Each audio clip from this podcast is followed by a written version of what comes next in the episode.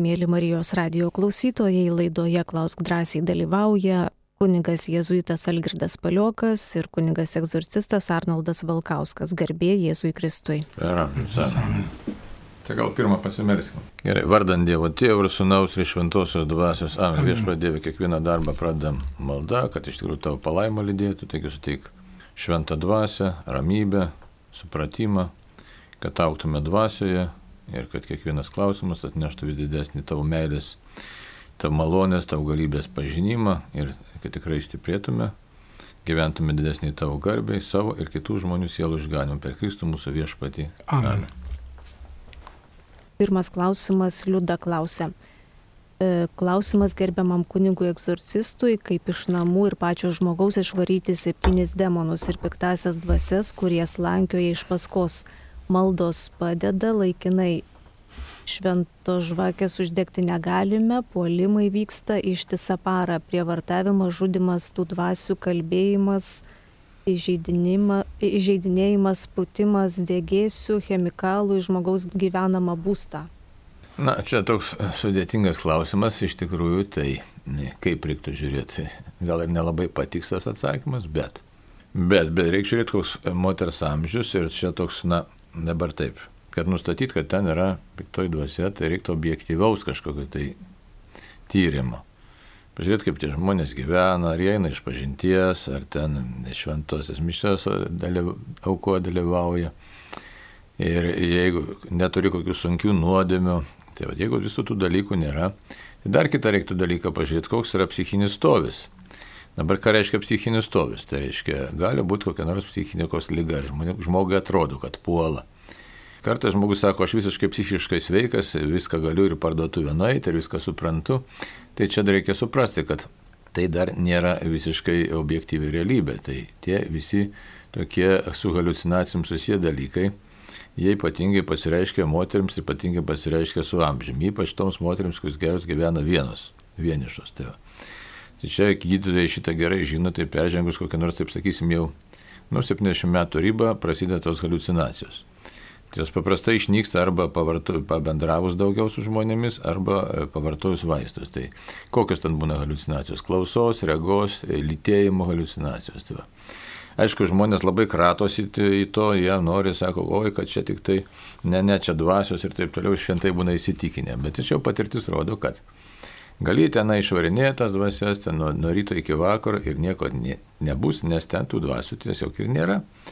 Taip kad už tai čia labai toks platus klausimas ir kita vertus ir atsakymas toks ir kaip minėjau, gali ir nepatikti, sakys, tai ką dabar čia taip kitaip. Tačiau pasikonsultavus su specialistais apie tai pakalbėjus ir gaus atitinkamų vaistų, pamatysit, kad reiškia iš tikrųjų pradingsta visi tie reiškiniai. Tai va, taip kad čia gyvenimo praktika tokia. Ir kodėl tai dažniau pasireiškia moteriams ir nuo tam tikro amžiaus ir vienišoms, aišku, čia nežinau, aš dabar neatsakysiu, bet, bet gydytojai šitą žino ir taip yra. Tai va, taip reiktų pasižiūrėti visus, visas pusės tas. E, e, iš, to, iš vienos pusės ir iš kitos pusės. Tai yra tai, kad štai va, Gali būti, kad ten ir dvasios, aišku, reikia gal namus pašventinti pirmiausia.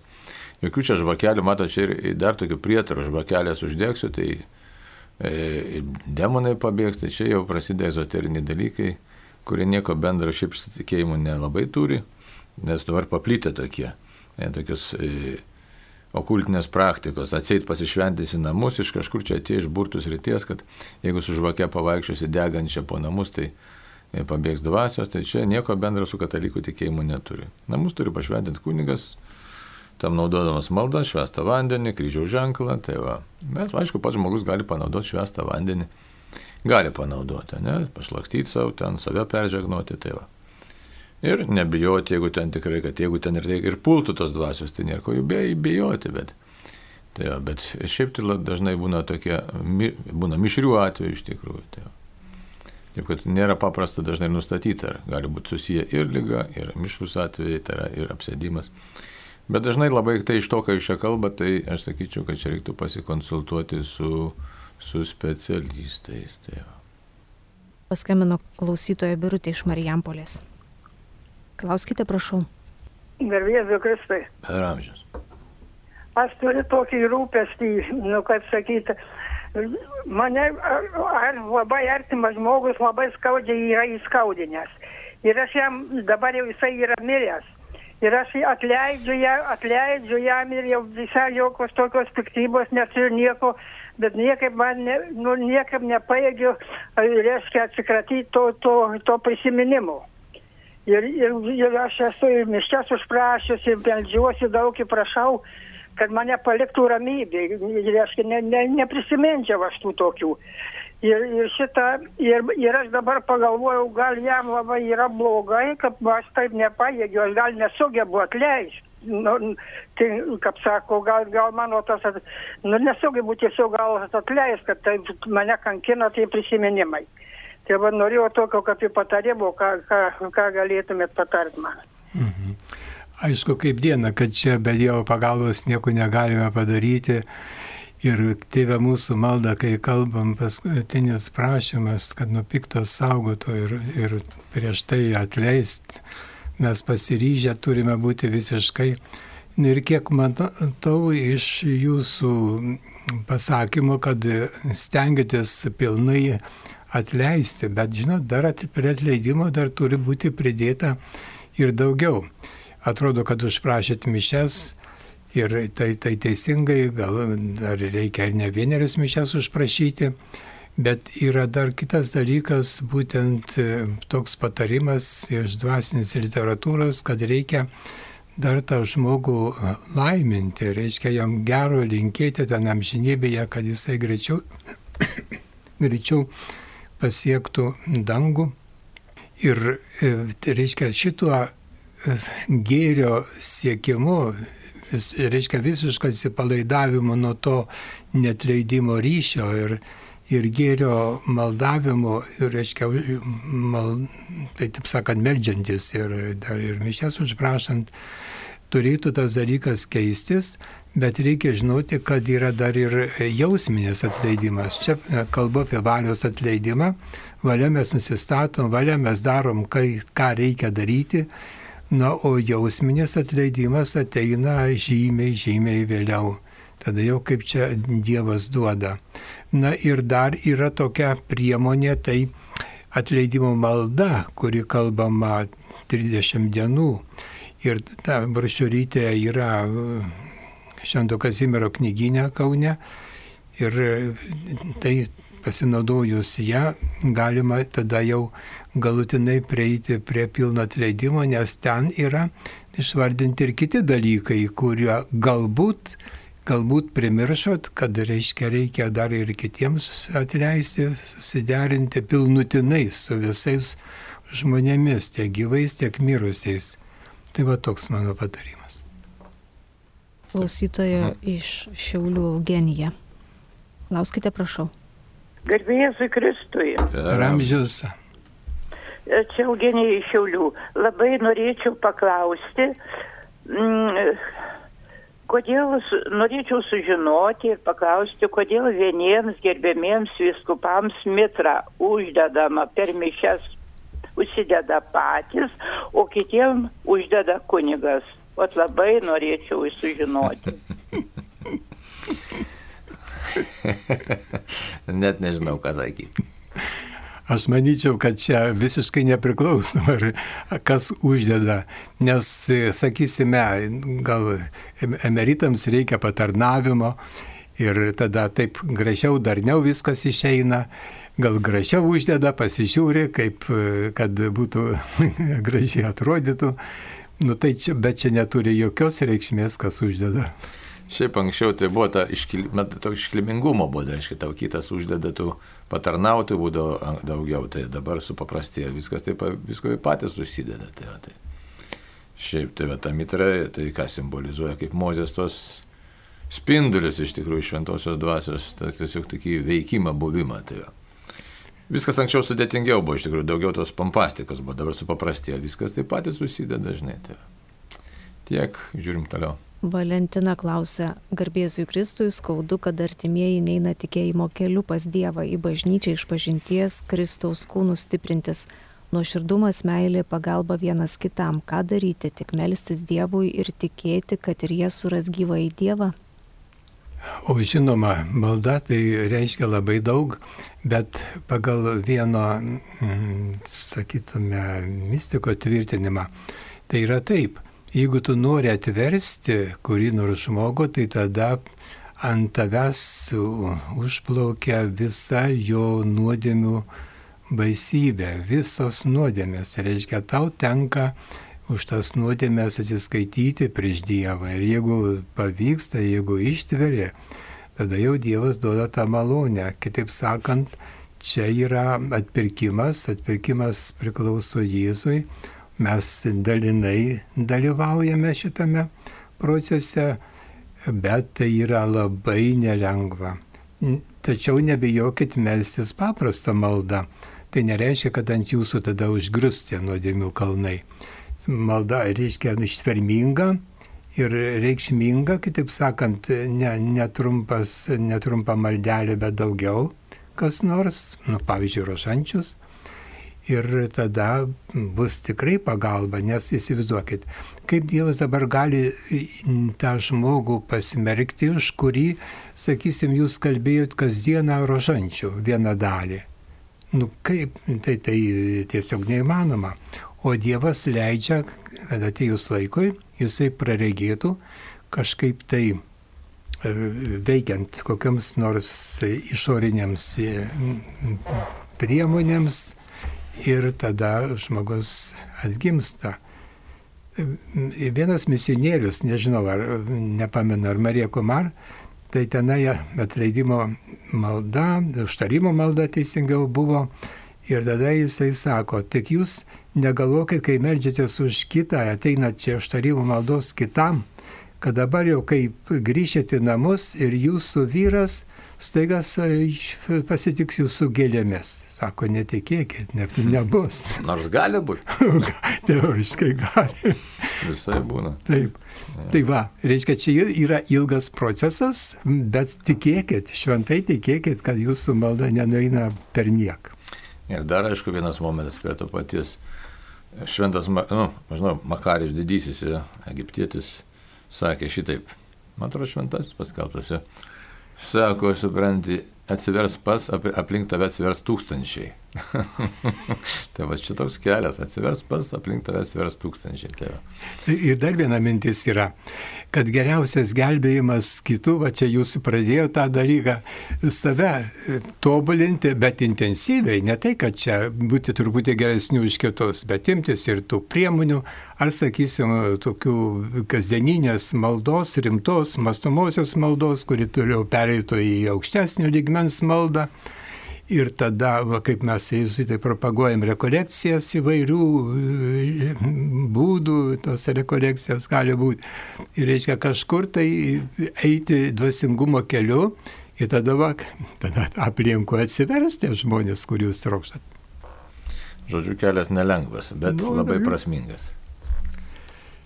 Alvydas iš Vilniaus paskambino. E, norėjau paklausti garbiųjų laidos dalyvių kunigų tokį, man kaip paprastam mm, pasauliečiai kelia tokį susirūpinimą, tokį nerimą. Ir čia praradom, galima sakyti, Sofijos e, suborą Konstantinopolį. Dabar čia buvo pernai sudegė Paryžiaus katedra. Šiais metais nesinai padėkta e, Nanto taip pat savo katedra. Lietuvoje netekoma čia buvo sudeginta medinės bažnyčios kaip Labanoro, po to pakalnių ir dar ten prie Lytos viena ten bažnytėlė buvo sudeginta. Kaip čia, kaip, ar čia kažkokios tai jėgos veikia, ar čia pasi, pasireiškia e, baltas apokalipsės raitelis, e, tokia mano. Nu, supratom, ačiū. Tai čia piktųjų jėgų inspiracijos žmonės veikiami padaro arba, arba psichika. Taigi plius yra sudeginta Kulautovos bažnyčia, Paštavos bažnyčia. Bet čia jau jūsų sritis. Mano, ne mano. Aišku, tų apokaliptinių ženklų tai daugiau negu reikia iš tikrųjų, bet mes jų ne, tiesiog neignoruojam, kadangi kasdienybėje labai paskendėsim. Jeigu tai pagal apokaliptinį tą ženklą, koks pagrindinis ženklas? Iš labai įdomus ir mes jo net kažkaip apsipratom visi. O pagrindinis apokaliptinis ženklas, kad vis dauguma atkris nuo tikėjimo. Įsivaizduot? Visi ieško tų tokių sudėgė, tas, anas, čia žinai. O dabar žiūrėkit, koks susitapatinimas su nuodėmė yra masinis. Pasiklausk jaunimo, kaip tu gyveni, šeštas Dievo įsakymas. Įsivaizduojat, net nežinau, kad reiškia civilinė metrikacija nieko nereiškia bažnyčios akimis žiūrint, tas prasme nuodėmės e, požiūrio. Gyvena susidėję, ne, abortas tapo norma, e, šita vengimas vaikų tapo norma, spiralė ir taip toliau. Tai dabar senelių eutanazija irgi votuoja teisė į normą, žinai, e, apie abortą, žinai, kad didžiausios demonstracijos leiskit, žiūrėk, motinos šaukia, leiskit mūsų nužudyti savo vaiką, ne? Tai jeigu taip logiškai, tai teisingai pas, to, tokia vyksta situacija ir visi kažkaip gyvena tiek priprato, kad tai yra norma ir jeigu paskui ieško tokių išorinių apokaliptinių ženklų, mes jų turim net per daug tų apokaliptinių ženklų, bet žmonė kažkaip nesusimasto. Tai tiek. Žiūrim toliau. Garbėsui Kristui, kokių žmonių gyvų ar mirusių būsena yra skaistykla, kokiuose švento rašto eilutėse apie tai parašyta juk mirusieji nebežino, nebejaučia nieko, nebegarbina viešpaties, kaip teigia šventasis raštas. Ja, čia toks protestantiškas klausimas, vėl kuris kyla iš tokio neišmanimo nei Kristaus mokymo, nei bažnyčios mokymo. Čia toks noras iššokti žinai, ir būti labai daug žinančių. Iš tikrųjų, bažnyčia, kaip sakiau, šventoji dvasia veda. Ir kokios yra eilutės, reiškia, Makabėjų knyga, reiškia, Makabėjų kalbėjimas, kad e, rinkliavą padarė, jisai kokiu būdu dėl ko kad pasimelstų už tų vyrų, kurie žuvo sielas, dabar dėl ko jie ten žuvo. Žuvo dėl to, kad po drabužiais turėjo pasislėpę šitos talismanus, tai, tai permaldauti toliau. Apaštalo Pauliaus kalbėjimas išsigelbės tarsi per ugnį. Ja.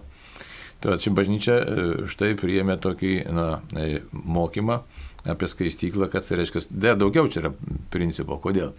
Kas, niekas, kas suteptas, neregės Dievo dabar. Tai reiškia, kas suteptas, tai jau kas iš mūsų nesuteptas. Už tai ten toks Liuterio kalbėjimas, kad e, labai įdomus buvo Liuterio kalbėjimas. Ne? Nusidėk, kiek gali, tik kiek dar labiau ir būsi išgelbėtas. O, tai tokia jo frazė. Ne? Tai dabar e, išsivaizduot, koks ir tik kiek dar labiau, reiškia, o bet e, ką sako Evangelija, žiūrėkit, argi mes darysime nuodėmės, ne Evangelija, bet sakau, e, laiškai E, kad neklaidint žmonių. Tai aš sako, jeigu Dievas mus taip pamilo ir atleidžia mus nuodėmės, bet negi mes jį dėl to skaudinsime, ne, būsime nuodėmėse, tai štai kas tas sutepimas, mes nesuprantam dydžių, suprantat. Žmogus yra dulkelė, Dievas yra begalinis ir ar mes tokie, va, tokie kokie esame, be Dievo malonės mes nieko negalime iš tikrųjų net prisartinti prie Dievo. Dabar regėti į veidas į veidą, tai čia iš vis yra kažkas tai yra aišku Dievo dovana. Ir todėl Dievas kaip jums skaistykla yra, kas tai yra tai būsena, aišku, galima manyti, e, pomirtinės būsena e, kurios tikslas yra koks parodyti mums mūsų klaidas ir visiškai nuskaistinti. Tai yra labai viltinga būsena, tarp kitko. Nors, aišku, kaip mystikai sako, labai skausminga, tai nebus lengva. Tai geriau taikyti į dangų, negu į skaistyklą savo gyvenimo elgesiu. Bet vis tiek tai yra, iš tikrųjų, tik, iš esmės yra du keliai e, po mirties - pragaras arba susitikimas su Dievu. Tai skaistikla yra iš tikrųjų kelias į susitikimą su Dievu, tačiau jisai yra per tam tikrą apvalančią ugnį, įdant e, mes pamatytume savo daugelio veiksmų beprasmiškumą, nuodėmingumą ir skaistikla kas patenka. Žmonės su sunkiom atleistom nuodėmėm, bet netliktą atgalą arba su lengvom netleistom nuodėmėm. Tų netleistų nuodėmių lengvų mes visi turim sočiai, mes jų net nematom. Kodėl Jonas Paulius II eidavo iš pažinties du kart per dieną, įsivaizduoju. Tai va, taip, štai šventasis, ne du kart per dieną eidavo. Ką popiežius turėjo, kiek jis nuodėmę padarė. Tai mes save palyginkim. Tai štai, štai tas mokymas toks protestantiškas, kad štai čia aleliuja, mes čia pateksim į dangų, jisai neturi rimto pagrindo visiškai, nes, nes niekas, kas suteptas, o kas iš mūsų nesuteptas, už tai ir, ir prašymas yra Dievo parodyk nuodėmės, kurių pats nejaučiu. Tai va tiek trumpai čia. Hm. Ką dėl pridurau? A tai man labai patiko, kaip vienas korespondentas e, popiežiaus Pranciškaus, kai jį išrinko, sako, kas tu esi? Sako, aš esu nusidėjėlis. Ir tiek. Viskas Taip, aišku. Aišku. Čia, žinai, gali būti per tave. Matai, čia yra skirtingi dalykai. Gali daryti stebuklus, pavyzdžiui. Tikrai, gali daryti.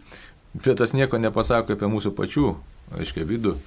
Dievas daro per mus. Ir ko jisai nori padėti bendruomeniai, sakysim, tai čia kitas dalykas. O kokia būsina aš esu, tai čia vėl kitas dalykas.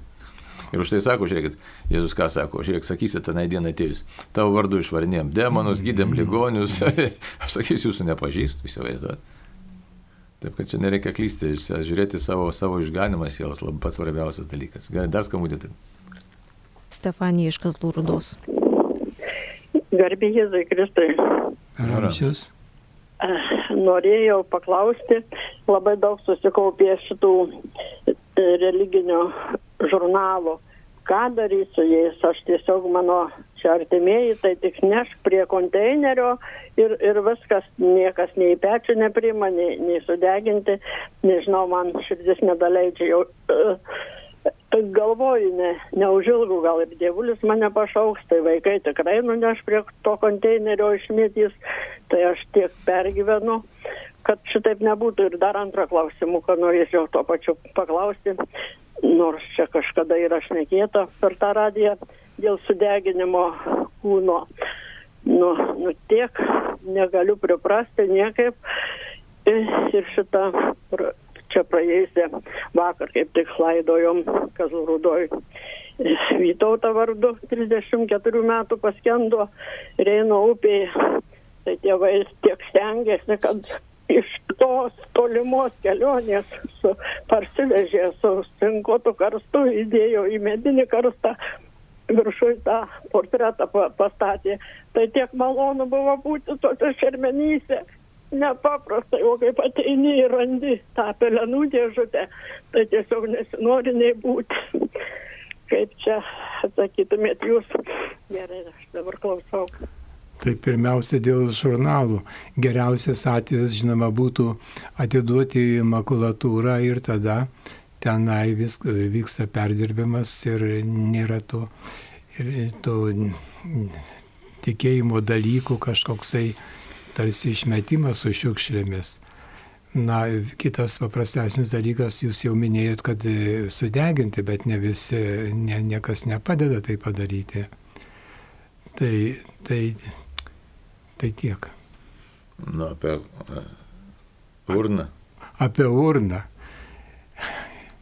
Mat, šiais laikais žmonės kartais nusižiūri į kitus, kažkaip tai atrodo moderniau, kažkaip tai arba patogiau ir tai daro. Bažnyčia leidžia tik tai, nu, kaip savotišką išimti, kadangi, nu, nebėra išėdės kartais, bet kai reikia perskraidinti, sakysim, iš Amerikos arba iš kitos šalies, tai tada jau nu, nėra išeities kągi reiškia jau taip su tuo cinkuotu karstu, tai jeigu norėtum, tai tenai kainos kokios būtų. Tai tiek. Jo, dabar ta mada paplito kažkodėl, tai šiaip aišku, bažnyčia leidžia, tačiau tikrai pirmenybė yra normaliam palaidojimui, nes tame yra pagarba, kaip sakau, normaliam, suprantat, ką sakau, net čia. Nes yra pagarba kūnui, kuris buvo šventosios dvasios šventovė ir mes gerbėme iš tikrųjų tą kūną, tai taip labai rezervuotai, katalikų bažnyčia ne, neaukština kažko tai ten to, ne kažkokiu tų šermenų, bet mes tiesiog ir atsisveikinimas vyksta. Labai daug prasmių šitame atsisveikinime, tokiam įprastinėme, nes tai ypač kai anksčiau dar būdavo tos šermenys ilgesnės, nes tame vyksta ir emocinis atsisveikinimas, labai svarbus irgi išgyvenimas, gėdėjimas, malda. Dabar atprato žmonės melstis, tai va. Toliau matai, galų gale net, sakysim, aš iš savo patirties galiu pasakyti, mama tėvą palaidojo tu jau matai, kad trečią dieną tas kūnas pučiasi, žinai, tai irgi, aš sakyčiau, sveika pamatyti, žinai, dėl ko.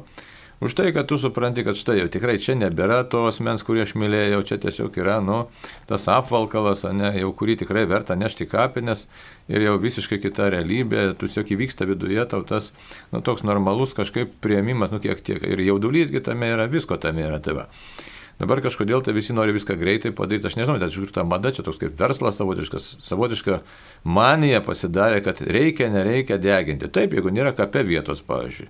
Yra tokių, pavyzdžiui, nori palasi laidoti tėvų kape, ne? Ir ten vietos nėra. Nu, tai tvarkoju tada, žinai. Gal galima. Bažnyčia leidžia tą e, kremavimą, bet tai tikrai nėra prioritetinis dalykas ir jis neturi kirsti su tikėjimu, kai atsiranda dabar madoj, kad išperstykit mano pelinus ten krūpė, ar dar visokiausių tokių dalykų, tai iš vis yra pritikėjimai prieš rengi dalykai. O net ir urna, sakyčiau, mano nuomonė, čia mano, aš neturną rinkčiausi, jeigu jie tokia, kuri supūva, sakysim, nes dabar kokia prasme įpilti tą e, keramikinę ar metalinę urną, kuri ten tūkstančius metų stovės, suprantate? Aišku, nes jeigu karsatu, tai viskas ten supūva, lieka iš tas pats e, dulkių žiupsnis, ne? Dabar kam įsaugo tą dulkių žiupsnį, ten kažkokį tai kapsulį tūkstančius metų, ar kiek ten bus ta žemė, kiek gyvos, ne, nėra prasmės visiškai. Tai tokio natūralumo e, nebebūna, dinksta tas natūralumas, o tuo tarpu, aišku, paprastos šermenys jos visiškai nu, leidžia žmogui pabūti tokiu kenčiančiu žmogumi su savo mirusiu artimuoju ir, ir tenme pabūti labai, labai realiai. Tai tie, gerai, žiūrim toliau, kas ten. Janina paskambino. Klauskite, prašau. Garbėjai. Per amžių. Ar merkinės piramidė skirta melstis mums krikščionėms katalikams? Mes esame nuvykę, bet vienas pamaldininkas sako, jūs į tą vietą nuvažiavote. Tai dabar norėčiau sužinoti iš tikrųjų. Labai teisingai pasakėt, ne į tą vietą nuvažiavote į burtų vietą. Dabar reikėtų, mes nesame egzorcistų klausiminiai traukę į vieną galimų apsėdimo klausimą. Tai va, taip, kad reiškia, kas ten buvo, tai tegu spaudžia kuo greičiau iš pažinties, nes ten yra visiškai burtai. Suprantat? E, ten net pritaikyta, sukalbėk ten kokio kampo ten sveikamurį ar dar ką nors. Matot, būrėjos lygiai tą patį daro. Lygiai tą patį, ten, aišku, kokio ten, dažnai nepasakys, kokio lygio ten tas burtininkavimas ir spiritizmo forma. Bet vieno žodžio, tai yra visiškai burtai, demono veikimas, šimtas procentų, gal pyksta kas nors ant manęs, nepyksta, aš turiu kalbėti tai, ką privalau. Tai va taip, kad labai teisingai buvo pasakyta, kas ten, jeigu ten ėjo, nors kiek ten ėjo, ar domėjosi, ar iš smalsumo, matot, velnės nėra džentelmenas. Ir, pavyzdžiui, dažnai klausia žmonės, kaip įvyksta apsėdimas. Labai paprastai gali vykti per smalsumą. Esu turėjęs tokiu atveju, sakykime, per, ne, net nereikia pačiam daryti nuodėmės, užtenka smalsumo, įsivaizduojat? Smalsumo žiūrint į kitų nuodėmės, pavyzdžiui, pornografija. Kodėl taip stipriai veikia pornografija? Ar žinot, kaip stipriai veikia? Kiek žmonių yra baisingai priklausoma nuo jos? Ir kaip sunku nuo jos įsivaduoti. Dabar atrodo, kas ten įvyksta. Pirmiausia, smalsumas vyksta, paskui užsiveda seksualumas. Ir paskui žmogus tampa priklausomas, demonas įtampa. Tai esu tokį vaiką turėjęs, iš tikrųjų mes meldėmės egzortais ir, ir tie berniukas per langą pasižiūrėjo. Tai gerai, ačiū Dievui, kad jis atėjo pas, paskui pas karito vadovę.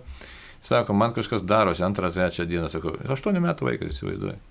Tai visą laimę, kad labai greit atėjo, aiškiai, taip užteko pasimelsti ir tapo išlaisvintas. Tai štai smalsumo, smalsumas yra tai vienas kelių, nereikia nei pykčio, nereikia nei kažkokios net specialios nuodėmės. Iškas smalsumas, kai tu lendi ten į tos okultinius dalykus, nesuprasdamas. Aš tai tarp kitko, sakysim, Hellingerio konsteliacijos tokios yra. Ne? Aš sakiau, kad Zimerį daugelį, kuris čia platinatas ir dalyvavo žmonės irgi. Tai įsivaizduot labai įdomus dalykas. Tai yra spiritizmas naudojant žmonių, žmonių figūras.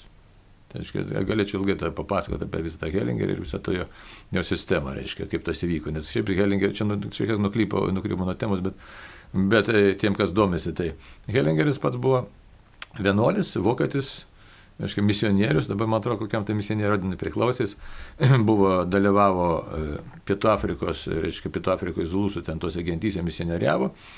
Labai įdomi, po antro Vatikano ta tokia banga buvo komunizmo, jis neteisingai suprato, jis pradėjo dalyvauti tais zulusais, reiškia, ir ten anglikonais kartu misionieriais, su tais zulusais kartu jų kulte.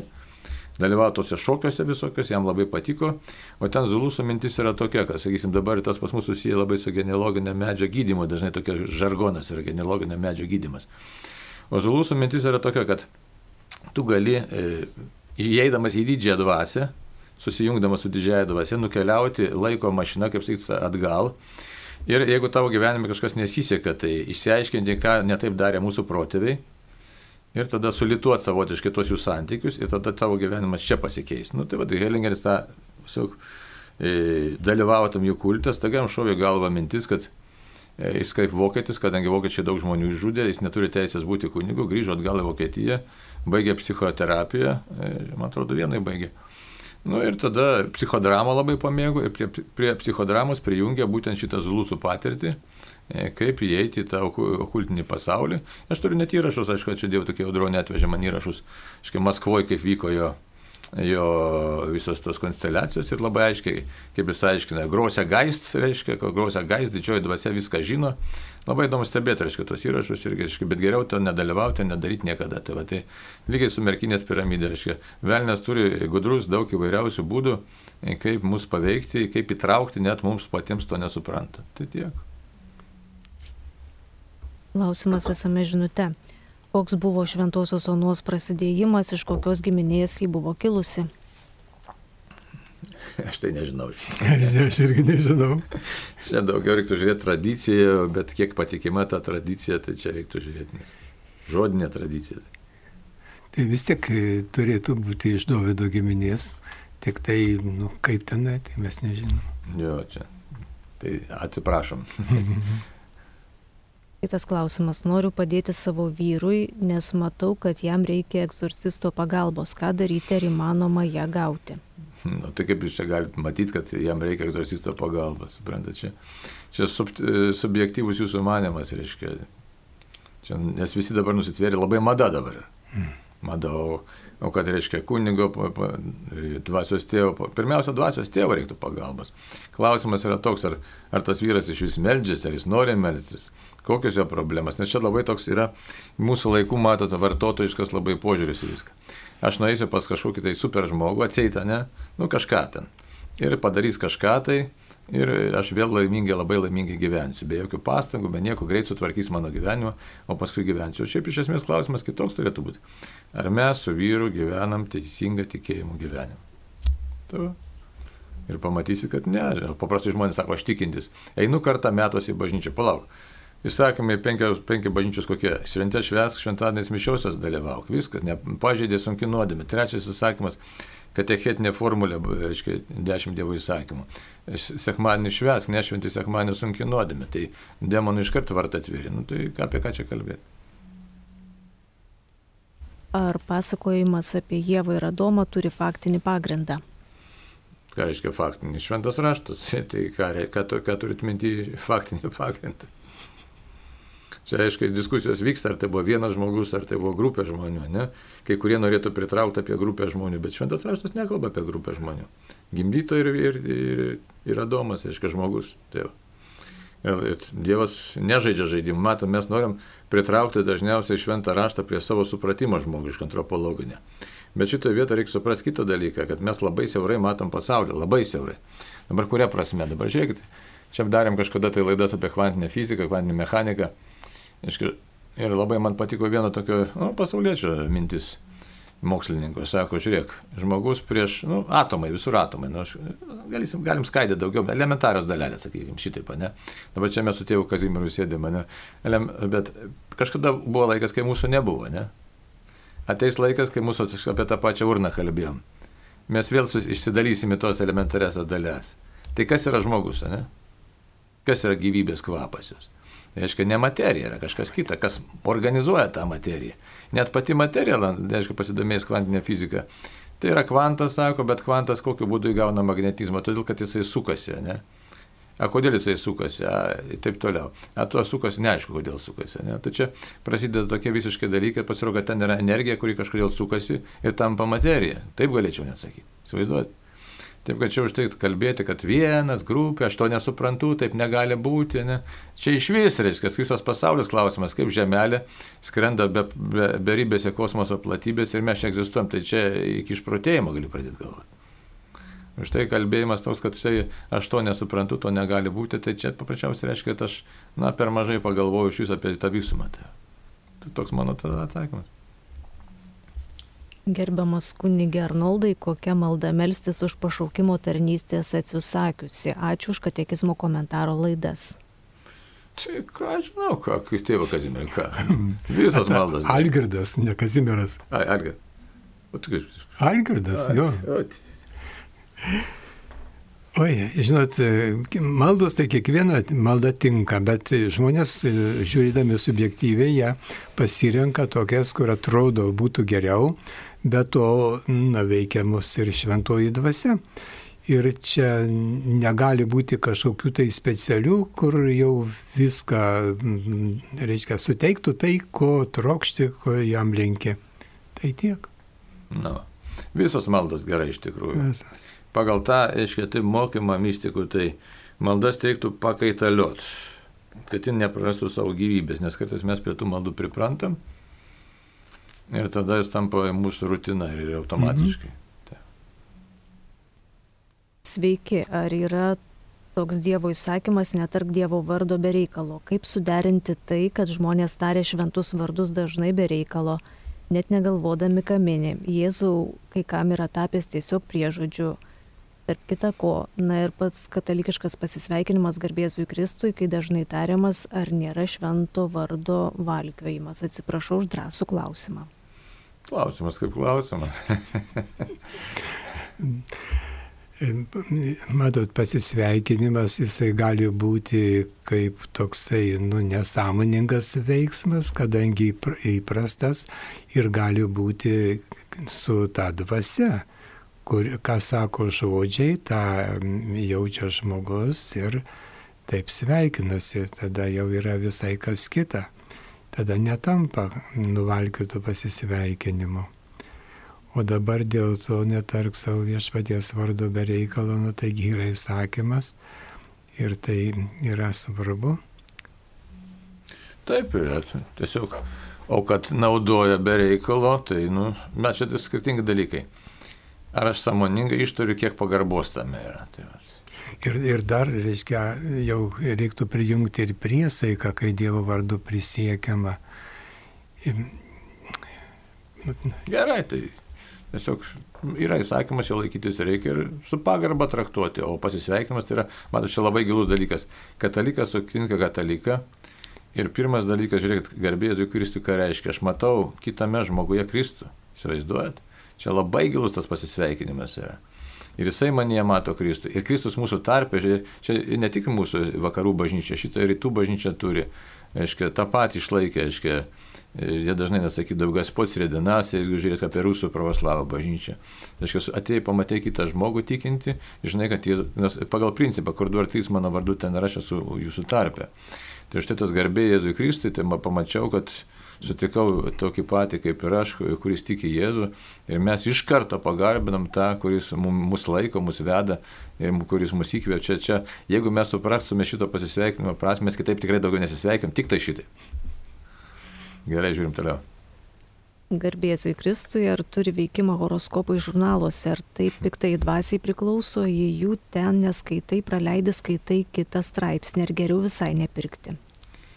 Ne, nu, tai neišoperuosi tų horoskopų, dabar, žinai, tokia manė mada, bet skaitimas viskas. Užtenka, aš kaip sakau, žinai, sako, aš netikiu, bet skaitau. Dabar klausimas mano paprastas. Sakysim, jeigu tu neperki padangų, ne, tai ar skaitai skalbimus apie padangas, moterį man ypatingai, tai neskaitai, nu, tai, tai čia taip grubiai žinekant. Bet jau tas domėjimasis reiškia, tu jau, jau tiki. O tikėjimas, reiškia, to horoskopo viskas yra burtus rytis.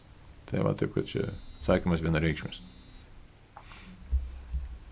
kaip paduruot prie švenčiausiojo sakramento, nes atrodo susikaupė, o mintis kaip kulko šaudo. Ir kitas klausimas, ar gali būti giminės prakeikimas? Tai apie adoraciją. Matot, Dievas mums paliko šitą savo buvimą tam, kad mes matydami galėtume lengviau susikaupti ir lengviau bendrauti. Bet adoracija tai kviečia į bendravimą, nu tik tai nelūpų malda. Jeigu nėra kitokios išeities, jau ne, negali susikaupti ir įeiti į artumą, tai tada, žinoma, lūpų malda tinka. Bet šiaip reikia eiti į asmenišką santykį ir labai paprasta. Reiškia, kaip yra vaiko su tėvu, su mama. Jis ateina ir žiūri, kartais. Arba ką nors pasako ir būna. Yra toks vaiko elgesys, kai vaikas ateina, jisai prisiglaudžia ir būna. Ir jam nieko daugiau nereikia. Tai čia reikia atėjus pas viešpatį ir bandyti įeiti į buvimą kartu, bet žinoma, meilės buvimą.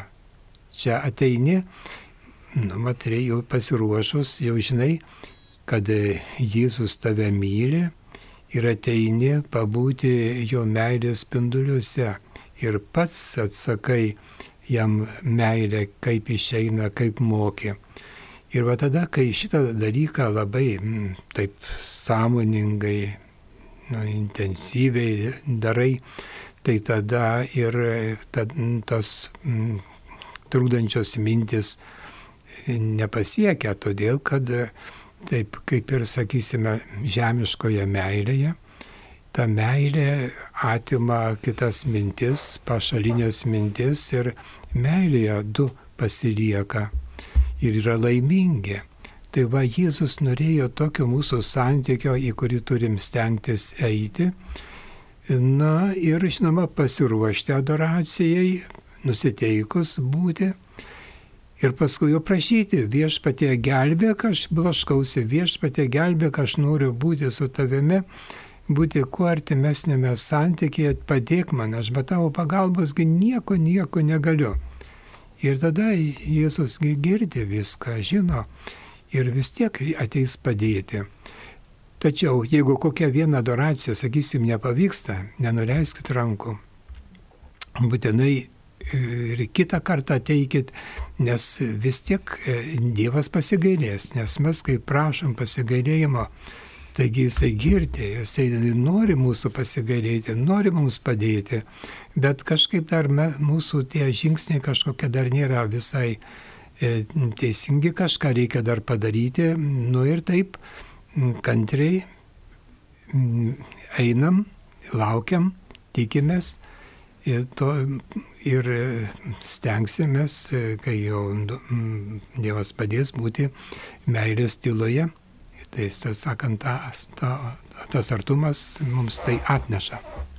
O dėl to prakeikimo giminės tai yra taip, aiškia, žmonės neretai interpretuoja tą, e, kad, aiškia, e, laimite laimite tūkstantosios kartos, o prakeiksiu trečią, ketvirtą kartą, arba ten tėvai, tėvų nuodėmės, tai tiesiog interpretuoja iš tikrųjų, tai kiek teko įvairiausiose konferencijose dalyvauti ir, aiškia, teologų mintis yra tokia, kad Dievas šitaip kalbėdamas norėjo pabrėžti, kad Dievo gailestingumas yra didesnis už jo teisingumą. Ir tą mes matom atliepą ir taip pat Faustinos, sakysim, visuose tuose pokalbėse su viešpačiu Jėzumi. Dabar, reiškia, žiūrint į šventą raštą, Ezekėlis, Ezekėlio knyga 18 skyriui, žiūrėkit, šitaip, šitaip kalbama. Viešpatės žodis atėjo man, ką jūs manote, kartodami šitą patarlę apie Izraelio žemę. Tėvai valgė rūkščių vynogių, o vaikams atšypo dantis. Kaip aš gyvas, tai viešpatės Dievo žodis, šita patarlė nebebus daugiau kartojama Izraelyje. Tikėk manimi, visi žmonės yra mano, kaip tėvo gyvybė, lygiai taip ir sunaus gyvybė man priklauso. Mirs tik žmogus, kuris nusideda tėvą. Taip kad reiškia šitoje vietoje skaitoma, kad Dievas net jeigu ir buvo tokia davęs nuostatą Izraeliui, tai šita per pranašą Zechėlį atšaukė šitą savo uh, tokį na, kaip sakyti, tokį sprendimą ir palieka asmeninę atsakomybę. Tai vat, ir, ir, matot, ir asmeninė atsakomybė labai susijus ir su išganimo tą tikrovę, nes e, kiekvienas atsako už savo išganimą. Tai, nes čia susijęs su laisvė, reiškia, laisvė yra esminė žmogaus egzistavimo sąlyga. Nes kitaip negalėtų žmogus ir nuopelnų gauti, jeigu žmogus neturėtų laisvės. Nebūtų nuodėmės, jeigu nebūtų laisvės. Tačiau kiek tai gali būti įtakojama šeimos, ne, tai aišku, be jokios abejonės, yra genetinis paveldėjimas, yra šeimos papročiai, yra prielaidos, yra kiti dalykai. Aš kaip sakau, tai aš kaip pagal patirtį. Yra prielaidos, kai mes sudarom savo šeimoje e, sąlygas arba aukti arba darybė, arba e, nuodėmiai, tarpti, arba net piktai dvasiai. Sakysim, jeigu šeimoje alkoholizmas, ne, tai iš tos šeimos išeina žmonės taip pat su tokiu polinkiu, tie vėl tokiai su tokiu polinkiu. Ten gimsta savižudybės polinkis, ten atsiranda neapykanta. Tai čia, kas čia galėtų būti, ne? Prakeikimas ar čia kiti dalykai. Tai Įvairiai gali būti. Aišku, tų prakeikimo, tokių patirčių, šiaip tavo šventą raštą irgi. E, bet čia net, net negalima labai dogmatizuotai kalbėti, čia daugiau patirtinis dalykas. Bet šiaip prakeikimas tikinčio žmogaus neveikia, jeigu jis yra teisusis. Jeigu kažką padarai ne taip. Nes prakeikimas yra, reiškia, dvasinės galios, kurią Dievas mums davė neteisingas naudojimas. Tas, kuris prakeikia, iš tikrųjų labai blogai daro. Labai blogai daro. Jis iš tikrųjų savo pakenkė pirmiausia. Bet jeigu jo nuoskauda tikra, sakysim, vaikinas paliko merginą nešį, jinai jį prakeikė. Na tai ten, aišku, tai gali paliesti tas kažkoks tai tenai, tas e, jos, jos žodis, piktas žodis, nes, nes jisai labai neteisiai pasielgė. Tai. Bet čia daugiau tokia interpretacija yra, kurią būtų e, sunku pagrysti iš tikrųjų tikėjimo turiniu. Tai taip, kad čia šitoje vietoje reikia su to interpretacijom reiktis labai atsargiai. Tai. O, o daugiau suprast, kad Dievas vis tiek jo yra meilė ir galestingumas didesnis už, už tos visus blogus dalykus. Tai va. Tai kiek aš pamenu, tai iki ketvirtos kartos tai neprakeiksiu, bet nubausiu. Atrodo. Na, bausmė. Ja, ja. Bausmė, bausmė. Reiškia, prakeikimo tenai nėra, o, o žemėje, reiškia, tiems žmonėms, kurie pasielgė nu, nuodėmingai, pridarė visokių nuodėmių, ir Dievas matyti jiems duoda galimybę kažkiek tai arba jų tiesiog išgelbs iš pragaro, pasiūzamas bausmes už nuodėmę, žinoma, kitiems, kitoms kartoms, kurios išgelbsti per tai atkentėdami tą, nu, tai, tai reiškia savo protėvį, bet tai reiškia didžiulis dalykas. Žinoma, čia yra tokia hipotezė. Tai, hipotezė. Hipotezė čia. Šitokia jo, jo. Gerai, ką žiūriu, 10 valandų atsakom klausimą ir šiek tiek pertraukėlę padarom. Veronika iš Vilnius. Klauskite, prašau. Mhm. Garbėjai su Kristi.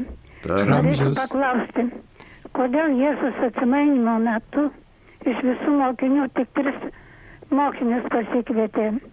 Petrą Jokūbą ir jo brolį Joną ir taip pat, kai meldėsi alyvų sode. Čia mes tiksliai neatsakysim, nes reikia Jėzaus paklausti, ne? nes čia galim tik interpretuoti. Jo. Interpretacija tokia, kad Petrai buvo skirta iš tikrųjų būti pirmajam, nepaisant jo charakterio, nepaisant jo e, tokio ir, ir, ir to, kad jis e, pasitrauks. Jokūb, Jonas buvo mylimasis mokinys, Jokūbas, matyt, kaip griaustinio vaikas turėjo tos energijos labai labai daug ir jam buvo leista pirmajam iš tikrųjų patirti kankinystę. Tai, va, tai, taip, kad jo išrinkimas irgi buvo aiškus ir jie, na, tiesiog tai Jėzus turėjo savo planą ir mintis kokia, kad jie eitų ir stiprintų brolius savo laikysiną. Taip ir įvyko iš tikrųjų. Tai. Taip, kad viešpats panaudoja silpną žmogų parodyti savo galybę, čia taip galėtum interpretuoti. Ir per tą silpno žmogaus buvimą ir Dievo galybės parodymą sustiprinami kiti. E, tai labai įdomu, nes reiškia, kad e, štai, kaip papaštui Paulius sakė, kur pasireiškia mano galybė labiausiai silpnume. Tai, tai pasiima tokius žmonės ir per juos, kad juos galėtų veikti ir kitus silpnus stiprinti. Tai aišku, galėjo visiems papreikšti, parodyti, bet tada būtų kitoks santykis bažnyčioje. Ne? Tai mes, mes jaustumės visi galbūt viens kitam nelabai reikalingi. Dabar mes esame visi viens kitam nepaprastai reikalingi. Vieni kitus maldą turim užtarti, turim stiprinti, turim guosti. Žodžiu, visas tas bažnyčios organizmas, kūnas, jisai būtent stovi ant tokio labai tik ant Jėzaus stovi, o žmogiškas elementas yra labai silpnas. Tai šitą turim suprasti. Tai va, štai tas, štai net ten ir buvo pasakyta, kad, reiškia, prisiminkit, kad, reiškia, kad stip, eikit stiprinkit brolius, ne, tai va, kai vyks, kai vyks persiekimas. Tai, ir šitoje vietoje įpareigojimas, ne misijinis bažnyčios charakteris atsiskleidžia, paštalinis pranašiškas charakteris. Tai va, taip, kad čia, aišku, mes čia tokia tiks, toks paaiškinimas pagal pačios jau bažnyčios prigimti, mes, matot, pamirštam bažnyčios prigimti, mes visi dažnai galvom tik apie savo kailį. O iš tikrųjų bažnyčia yra pranašiška, misijinė, paškliška bendruomenė, kurios visą laiką uždavinys būti misijoje, visą laiką. Ir kaip tėvas Algirdas sakė, čia labai svarbu, kad tas yra kančios elementas prisilietimas prie kryžiaus. Dažnai norim pasiekti rezultatų patys nieko nepa... Aš irgi taip noriu. Ir niekaip nesuprantu, žinai, čia galvo, ai, kas čia darosi, žinai, o vis laik tą kryžių reikia panešėti. Tai, tai ką dabar, eikim, biški šiek tiek per traukėlę, padarykim kelias minutės. Tai...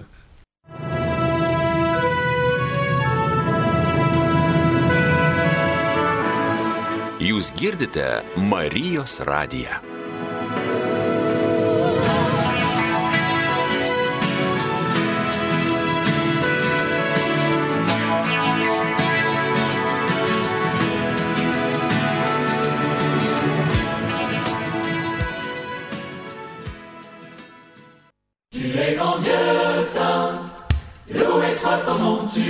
Dieu fort, et nous célébrons Dieu de tendresse, ta miséricorde et ton amour, tu es grand Dieu.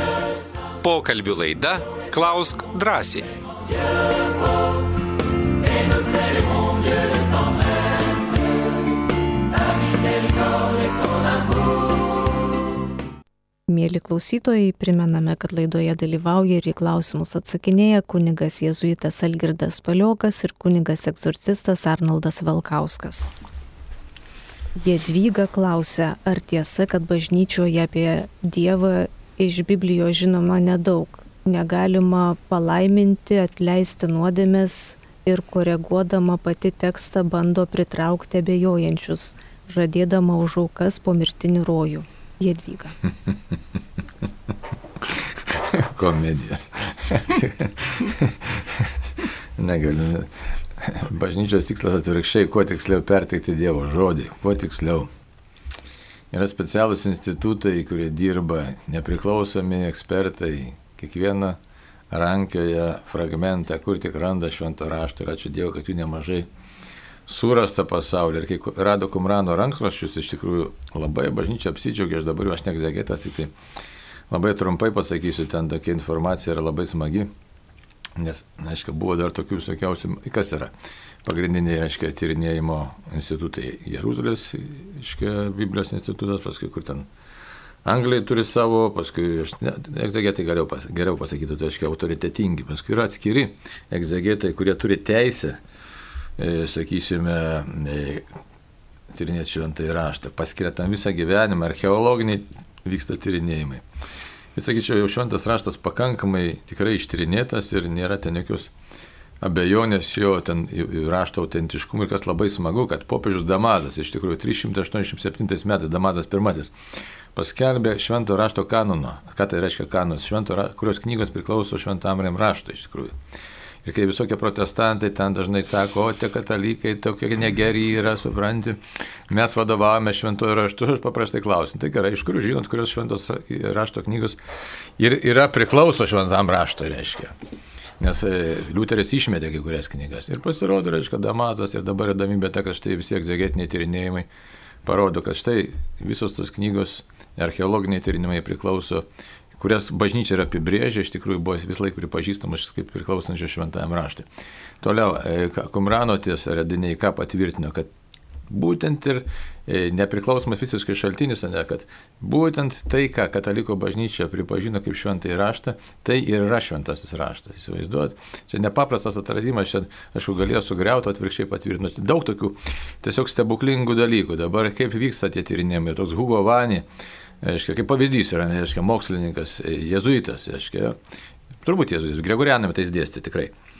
Tai labai įdomu, reiškia, jis visą, daug ten straipsnių parašęs, labai žymus, reiškia, Biblijos tyrinėtas, bet kas įdomybė, šiaip, reiškia, turiu tą knygą jo tokią, bet jisai gyvenime, savo gyvenime paskyrė, kiek supratau, tiek kiek prisimenu, pusantros eilutės iš apreiškimo knygos tyrinėjimų, įsivaizduojat,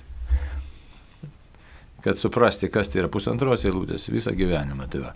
tai reikia pasakyti, kokio lygio yra studijos ir kiek reikia žinių. E, kaip aš sakau, į biblikumą normalių žmonių, nes yra prie šalia jezuitų to Gregoriano universiteto yra biblikumo universitetas. Ten normalių žmonių nepriima. Dabar ką reiškia ne, normalių nepriima? Tai reiškia turėti nepaprastų gabumų, nepaprastų gabumų, nepaprastai gerą atmintį, mokėti ir graikų, ir hebrajų, ir amajų kalbas, žodžiu, reikia ir mokėti, kad tu ten galėtum patekti. Reiškia. Ir jeigu mums, pavyzdžiui, man Gregorianam reikėjo parašyti daktarinį dizertaciją, nu taip 300 puslapį, aš prašiau 378 puslapį, nu neturi neviršyti 500 puslapį. Ten biblikume užtenka parašyti 120 puslapį. tai įsivaizduoju. Bet ką, tai, ką tu ten turi sudėti tą 120 puslapį? Kiek ten žinių yra? Pavyzdžiui, Karlo Ranerio knygeliškai pavyzdys, ne, Kiezai sakramentai, bažnyčia Kirchien sakramentai, reiškia, bažnyčia ir sakramentai. Viso labo, aš nežinau, kiek gal 80-90 puslapių knygelė. Plonutė knygelė, bet padarė revoliuciją bažnyčioje sakramentų supratime. Tai reiškia, tai štai, kad nedidėjai tie kelmai verčia visą reikalą. Tai va, aš tik taip išsiplėčiau šiek tiek. Tai, tai taip, kad bažnyčia saugo Dievo žodį, bet bažnyčia turi ką? Pareigą jį interpretuoti. Paštas Petras ką sako? Jokia pranašystė negali būti aiškinima asmeniškai, privačiai aiškinam, privačiai aiškinam. Tai va. Taip, kad bažnyčia čia už tai apreiškimo šaltiniai yra bažnyčiai tradiciškai yra kalbant trys. Šventas raštas, bažnyčios mokymas ir ta tradicija, tai yra žodinė ir nežodinė rašytinė tradicija, e, kuria vadovaujantis, kuria apibrėžia pati pats bažnyčios mokymas, kuo mes privalom ir, ir tikėti. Tai, va. tai tiek. Čia aišku, gali dar susiplės, bet žiūrim toliau klausimą. Prašau trumpo paaiškinimo, yra nemažai atvejų, kai žmogus pasiaukojo kitų žmonių labui. Kuo ypatinga Kristaus auka? Na, tai čia yra nepalyginamas dalykas, nes dieviškoji auka, jo kančia yra verta, taip sakant, atpirkimo požiūrį žiūrint milijardų. Ir žmogus paprastas nuodėmingas, jisai gali, gali pasiaukoti, gali daug padaryti, bet tai čia yra tik žmogiška auka. Žinoma, ji žmogiškų mastų yra didelė, mes žinom pasiaukojusių žmonių įvairioms veikloms, įvairiems dalykams, o kartais būna ir tylios aukos, kai pasiaukoja už kokį artimą ir atsivertimo prašant. Dauguma tų aukų yra net nežinomų. Tai čia labai labai platus tas dalykas, o, o Kristaus auka su jokio, reiškia visų žmonių aukomis, viso, viso e, žemės gyvenimo, žmonijos gyvenimo, e, reiškia visomis aukomis ne, ne, nėra ko palyginti iš viso. Tai čia toks yra skirtumas. Ir dar čia reiktų plaščiau pažiūrėti, žiūrėkit dabar. Čia dvi paslaptys susiduria, reiškia. Dabar kas yra žmogus, kas iš mūsų galėtų apibriežti? Klausytojai, dabar ir tėvas Algirdas, nu kas yra žmogus, nu. Niekas nežino iš tikrųjų, įsivaizduot, mes gyvenam, vyras, moteris, mes taip pripratom. O kas yra moteris, žiūrėkit, nuo vyro, kaip skiriasi psichologiškai, kaip skiriasi, dvasiškai, fiziškai, atrodo, tas pačios inkstai, tie patys inkstai, kepenys. O iš tikrųjų, tai dabar žiūrėkit Kristus, aišku, mes labai primityviai žiūrime Kristų, todėl kad primityviai žiūrime į save. Dabar ir į Dievą labai primityviai žiūrim. Įsivaizduoju, Dievas viso pasaulio kūrėjas. Dabar e, pažiūrėkite, kokie yra masteliai, nu, kosmose, ne? Kas domisi kosmose, nu? Sako, milijardą šviesmečių. Įsivaizduoju tokį dydį, kad milijardą metų eina šviesa, kurios greitis 300 tūkstančių km per sekundę. Ne per valandą, per sekundę. Nu, tai beprotiški dydžiai. Ir dabar šito pasaulio kūrėjas tampa žmogumi. Čia, čia, yra, čia yra tiesiog beprotiški dalykai. Beprotiški šito pasaulio, kuris tampa žmogumi, tai reiškia, save tiek apriboja, nusižem, suspaudžia save iki žmogaus būvio, negana to, leidžiasi, kad tas žmogus, jo sukurtas, jį spjaudytų, kalt ant kryžiaus, Tai čia net nėra ką kalbėti. Tai aiškiai, už tai, kai kalbam apie nusižemimą, apie Dievo nuolankumą, tai čia toks yra dalykas, kad tai čia už tai yra klausimas, kas yra žmogus, kad Dievas pats turėjo ateiti ir todėl piktoji dvasia negali apkesti Kristaus. Šiaip nieko nebijo velnės daugiau. Jis yra galingai sukurtas, tai, o, o Jėzaus negali apkesti ir pakesti ir savo, kas tas žmogus, ta dulkė, dėl dulkės tu atėjai į Jėzau į šį pasaulį. Tai va, už tai, jeigu mes žiūrim žmogiškai, tai tai aišku daug ir nuo vėžio mirusių, ir fronte žuvusių, ir, ir taip toliau, bet čia visiškai skirtingo plano ir skirtingų mastelių dalykai yra. Kokių priemonių dėka mūsų protėviams pavyko atskleisti, pajusti ir apčiuopti šventosios dvasios ir sielos egzistavimą žmoguje ir kuo jie skiriasi? Labai paprastai. Šiaip ilgesys, dangaus ilgesys, tai yra iš tikrųjų žmogus sukurtas pagal Dievo paveikslą ir panašumą, Dievas ir Adomas, Adomas nusidėjo, prarado malonės būvį, bet ilgesys nedingo. Tai štai supratimas apie dvasios pasaulį yra, šamanizmo įvairios apraiškos, pagoniški visi tie dalykai, tačiau žmogus natūraliai ieškodamas būtinai patenka į klaidą, nes mūsų protas yra sužeistas, o jeigu patenka į klaidas, patenka į piktosios dvasios veikimą. Ir dažnai, kad žmonės klausia, budizmas, krišnaizmas labai tam mus atrodo, tai labai taip kažkaip gražiai, viliojančiai, dabar žmonės važiuoja kai kurie į Pietų Ameriką, ten tas geria ajavaskos arbatą su tas halucinogeninės, su tais šamanais bendrauja ir nori kažką tai sužinoti, ne? O iš tikrųjų tai yra suklydusio proto ieškojimas ir už tai tik tai Jėzus Kristus yra vienintelis atsakymas, kuris išveda mus į tikrąją šviesą. Tai va.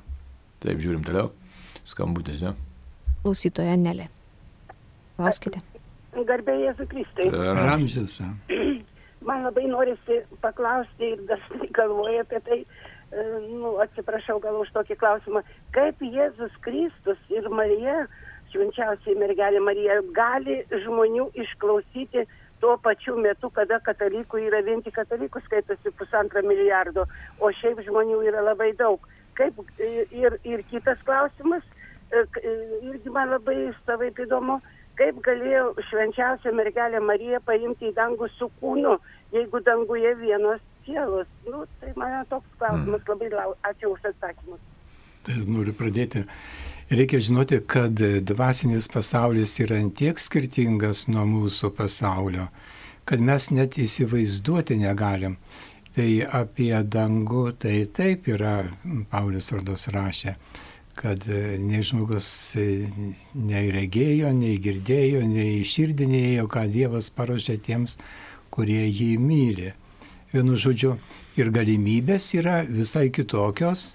Ir gali, reiškia, dvasinėme pasaulyje, va toks dalykas, ko jūs klausėt, labai lengvai vykti, gali Dievas bendrauti su kiekvienu žmogumi, lyg tai, reiškia, kitų žmonių nebūtų. ta, tai yra tokios dvasinės galimybės ir tai čia yra tik tai tokia e, viena, ką mes galim taip, užčiuopti, su, e, kiek tai bandyti suprasti, o iš tikrųjų tenai yra visai kitos galimybės. Na, toliau. Taip, ir be to vyksta viskas šventoje dvasioje, tai jau dabar paėmimas į kū, su kūnu, tai vėlgi perkeistas tas kūnas, aišku, jeigu Dievas paėmė, tai jis ir perkeičia tą kūną, nes kaip ir Jėzus buvo prikeltas, taip ir, aišku, Marijos paėmimas. Ne tik Marija, žiūrėkite,Elyja paėmė viešpas, reiškia, jau, jau anais laikais paėmė, tai va, to čia apie Marijos kal- net kalbėjimą. Kaip ir, čia matote, čia iškart paslaptis eina po paslapties, nes vien pradėjimas, ne jau Marijos e, kūdikio pradėjimas į šventai dvasiai veikiant, o čia paėmiau su kūnu kaip atliepas, tiesiog tos atbaigimas, sakytume, to, to kas įvyko Marijos iščiose. Tai, va, tai štai, kad e, toks, nu, su, visiškai susidurėm su kita realybė, čia atbaigia tą darbą viešpas, kurį pradėjo būtent pasirinkdamas Mariją Dievo sūnaus gimdytoją. Tai, O be tikrųjų, to- Dievo gimdytoją, taip teisingiau teologiškai pasakyti. O be to Dievo planas buvo toks, kad mes iš rojaus be mirties pereitume į dangų su kūnu. Ir tas įvyko, va, reiškia, su Marija jau. Ir paskui su mumis paskutiniu teismu. Taip, prikels. Prikels ir būsim su kūnu. Tik tai net su tuo pačiu. Tai jau kitokia.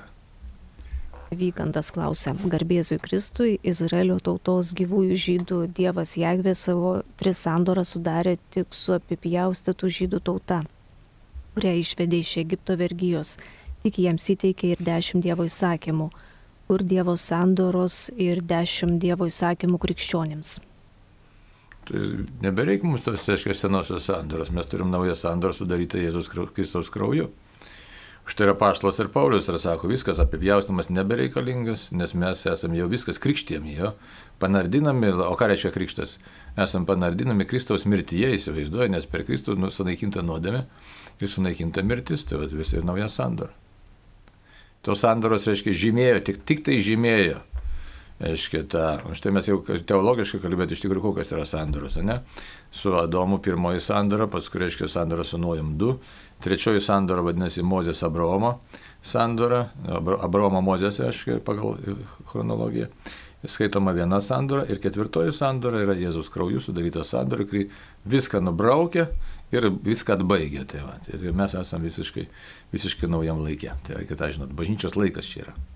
O bažnyčios laikas ką reiškia? Jau ir dar ne Dievo karalystė. Įsivaizduot, mes neįvertinam bažnyčios laiko. Galimybė primti komuniją, kas tai yra įsivaizduot? Koks yra Dievo savęs atidavimas, patikėjimas ir pasitikėjimas žmogumi. Kaip pasitikė Dievas žmogumi, kad tiesiog įeina į, į mūsų gyvenimą, leidžiasi, leidžiasi priimamas. Tai, tai čia už tai, jeigu mes suvoktume, bet mes kalbam dažnai, kad ta- tada regėsim Dievą, mes, mes dabar Euharistiją švenčiam ir priimam Kristaus kūną ir kraują. Su tokiu protestantu teko Afganistane misijoje būti. Majoras, kas ten buvo nesimenu, bet labai studijavo šventą raštą, žinai, paskui atėjo šventasis mišes. Vartys ten šventą raštą, porą kartų atėjo klausyk, sako, paskui man po mišių, sako, negaliu, sako, aš čia dalyvauti, negaliu, sako, kodėl, sako, tu negali, sako, aš neištveriu tos didybės, sako, aš dar nepasiruošęs būti kataliku, aš sako, dar protestantas būsiu, žinai. Įsivaizduoja? Subraukęs visą šventą raštą, visokiais tam spalvom, suprantate, sako, čia, nu, kažkas čia, sako, man čia per daug yra, tai va, įsivaizduoja. Gerai. Klausytojas gintas. Klauskite. Gerbėsiu Kristui. Gerai. Gerai. E, turiu klausimėlį, tokį e, ne sena praeitis, kada priminėjom priesaikas, partija, komjaunimas, armija. Mhm. Ir vat armija buvo tokia, nu, kaip ir privartinė priesaika. Ten aš pasižadu viską taip ir gale būdavo, kad jeigu pažeisiu tą įstatymą, ja, ja. tai už tai pastignė. Karas, karas, karas, karas, karas, karas, karas, karas, karas, karas, karas, karas, и презрение трудящихся. Tai mes, pavyzdžiui, ir aš, kaip buvęs karininkas, privartiniai tapau karininku, pažydinėjau tą įstatymą kapitališkai ir dažnai ne iš tai, kad mane vertė ten, okupantai jie buvo, bet ir iš asmeninės naudos turėjimo. Ir kaip va ta, nu, ta priesaika tokia kaip ir prateiksmas, kad aš pasižadu, o jeigu net, jeigu man tas ir tas atsitinka. Kaip galėtumėte šitą pakomentuoti? Nu, čia įdomus rimtas klausimas, mes tą svarstėm kažkada su vyrais irgi. Aišku, tame laisvos valios nebuvo, aišku, buvo kas nepriimdavo, žiūrėkite, nepriesaikos nepriimdavo, ten, ten drąsų žmonės buvo, kas nepriėmė tos priesaikos. Aišku, didžioji dalis mūsų priėmė tą priesaiką. Kaip priėmė, atskaitė mane, nu, ten aišku laisvos valios nebuvo. Bet jeigu taip griežtai žiūrėti, tai, nu, kaip sudreifavom savotiškai, aišku, nežinau kaip čia vertinti. Tai va, tai dabar mes net, aš tai nežinau, aš asmeniškai pasakiau, Jėzos atsižaviu su priesaika iš tikrųjų, nes aš tau noriu tarnauti, žinai. Tai. Ir rekomendacija tokia yra, kad iš tikrųjų pasakyti, na, per išpažinti nežinau, o galima ir per išpažinti dabar, gal čia tiesiog interpretuoju. Galima ir per išpažinti pasakyti, kad buvau prisiekęs, nes, nes, nu, aišku, jėgos didžiulės reikėjo jokios pasipriešinti, bet dabar tokia paralelė, dabar kai kalbam apie tos apokaliptinius dalykus ir čipo įdėjimą, tai turėsim pasipriešinti, nori, nenori, ne? Tai tada galbūt irgi galėjom visi pasipriešinti ir neiti tą kariuomenę, aišku, būtų vertę kyšiai, lagerius, durninus kyšiai ir taip toliau. Kas ir vyko, aš, sakysim, aš labai gerbiu kunigą Robertą Grygą, iš kur jis turėjo tiek jėgos nepriimti tos priestaigos ir ne tik jis, sakysim, dabar šitą Deltavos klebonas, Gintautas Naudžiūnas irgi turėjo jėgos nepriimti tos priesaigos ir taip tarnauti toj sovietinėje kariuomenėje be priesaigos. Tai jūs atkuris klausėte, ar kurie tarnavo, tai žinok, puikiausiai ką tai reiškia ir kokie ten iššūkiai buvo. Tai va, taip, kad, taip kad labai sunku čia pasakyti, na, ar būtume pajėgę, nepajėgę, bet, bet kad reikėtų to atsižadėti širdimi ir galima būtų per išpažinti pasakyti, tai aš galvoju, kad būtų tikslinga dabar. Gerai, gera mintis čia iškelta, nes, nes mes nusileidom tam e, šitoniškam slybinai. Ar turit ką dar? Ne, neturiu. Garbėzui Kristui, kunigui Valkauskui. Praeitoje laidoje sakėte, kad karate visiškai nereikalingas dalykas ir kelias į demonų pasaulį. Kodėl tada karate yra katalikiškose mokyklose? Tai daug yra katalikiškose mokyklose. Tai čia, žinai, iš nežinojimo, sakysim, eina žmonės į vyriausius dalykus ir aš pats dažnai nežinodavau daug ką. Tai va, taip, kad čia labai apipintas tas mūsų pasaulis įvairiausiais tokiais dalykais. Tai trūksta informacijos mums paprasčiausiai, sakysim, kaip buvo savo laiku.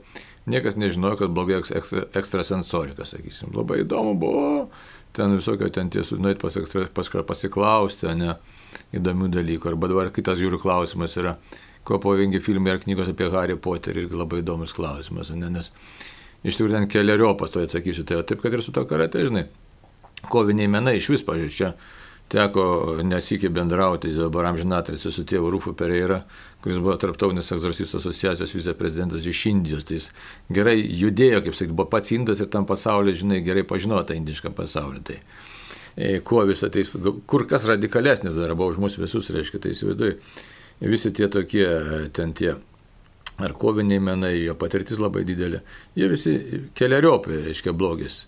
Vienas dalykas, kad jie e, didina agresiją, E, tai ta agresija, reiškia, nepykanta žmogui, jie nori, nenori ugdo. Trečias dalykas, visos tos, reiškia, kovos, ne, net ir boksas, ne. Vienas Lenkų kunigas labai gerai sako, kodėl tu sako, daužai žmogų, įsivaizduoji. Tai dievo, tu daužai Dievo paveikslą ir panašumą. Tai atrodo, aišku, aistra, azartas tuo metu, man pačiam patikdavo kažkada pasiboksuoti, bet iš tikrųjų tai tu eini mušti žmogų. Tai va.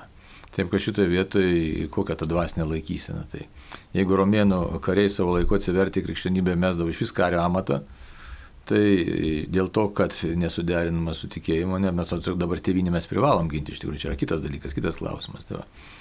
o karate ten, plus aišku, karate panašus sportai, jo apie to turi tas giluminės įvairias, tam budistinės šaknis turi tas rytietiškas. Tai, va, tai, tai apie dvasių kovo kalba, tai vėl su kuo tu grumiesi, su kokiais šamanistiniais elementais. Tai va.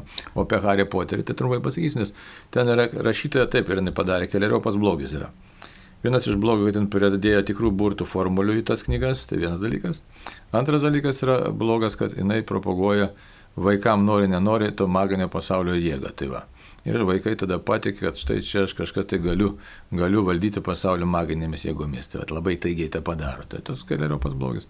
Ir, bet ypatingai tos formulės, tu net nežinodamas atskaitai burtų, tas pats kaip skaitytum burtų knygą, įsivaizduot. Niekas neperka savo specialiai skaityti burtų knygos.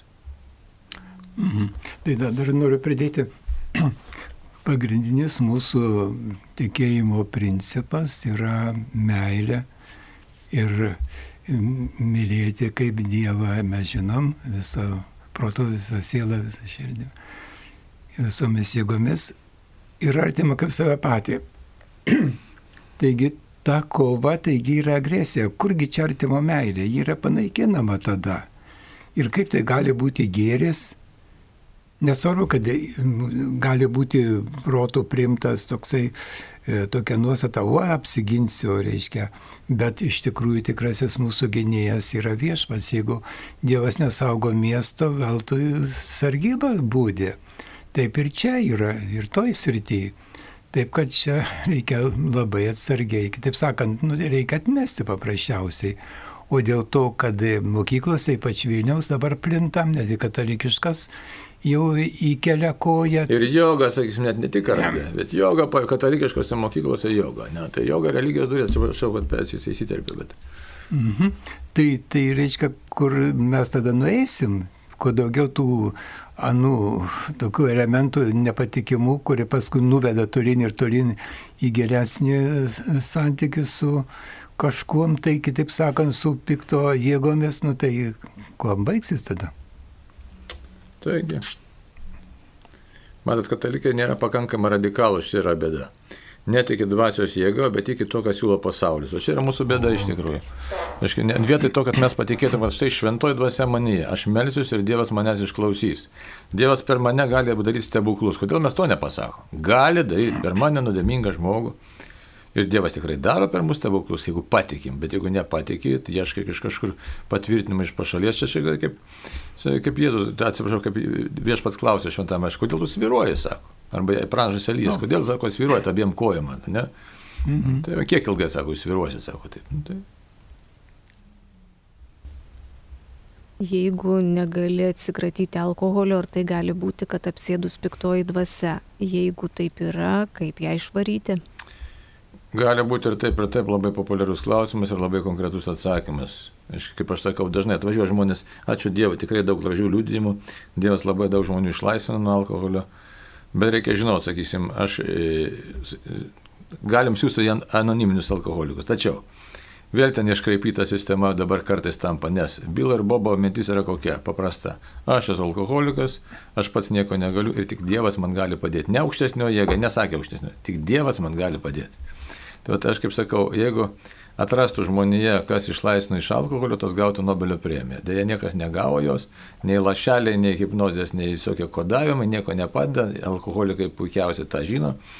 Tai už tai išlaisvinimas ar ten apsėdimas, ar ten neapsėdimas, gali būti ir viena ir kita, gali nebūti, nes šiaip alkoholizmas yra labai sunki lyga, labai sunki, progresuojanti, lėtinė lyga, kuri veda į asmenybės degradaciją. Tai va, bet už jos slypi daug kitų sudėtinių dalių, egoizmo labai daug, sužeistumo, nepilnavertiškumo slypi. Bet bet kokiu atveju iš tikrųjų tai pirmas vaistas yra iš tikrųjų pradėti maldą, sudūštant prie Dievo, Dieve gelbėk mane ir tada pradėk praktikuoti tikėjimą.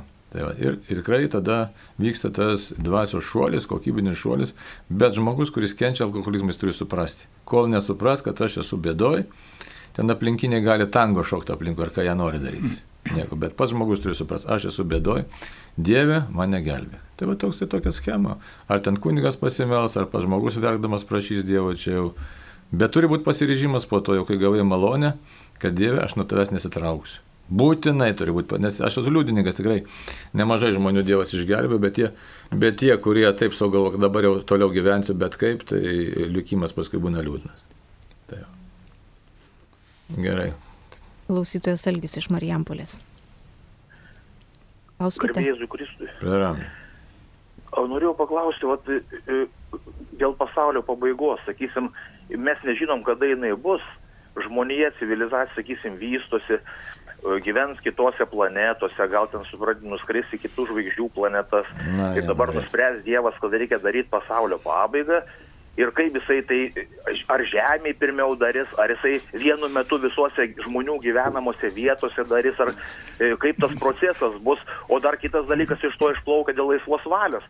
Sako, vat, e, žmogus turi laisvą valią, Dievas negali tai laisvai valiai nieko padaryti, o jeigu dabar kiltų atominis karas ir žmonija dinksta ir neįvyksta tas planas, kad dėl pasaulio pabaigos, kad ten ateis tenais Dievas viską padarys, sako kiti krikščionis ir teologai, ne, yra kaip ranka uždėta, Dievas taip neleis padaryti. Tai kaip jis gali neleisti, jeigu žmogus turi laisvą valią, nuspręs susinaikinti, o Dievas kaip jis gali uždrausti, tai reiškia, nebeturi laisvos valios. O dar kitaip, va, kiek aš kalbėjau su ponu Valkausku, tai va, kažkaip jis labai įdomu. Taigi mokslas yra apie fiziką, o čia jūs kalbate apie metafiziką. Mokslasgi ne, čia skirtingi visai dalykai, reiškia, kad mokslas, kuris manė, kad mokslas nagrinėtų metafizinius dalykus. O jūs taip sakot, reiškia, va, čia, čia mokslas, čia mes teo, čia metafizikos dalykai. Tie visi burtai, astrologijos, aš suprantu, bet čia tos metafizikos dalis. Kaip sakyti, to pačio medžio skirtingos šakos. O mokslas yra fizikos dalykai. Kur jūs manėte, kad mokslas dvasias nagrinėtų?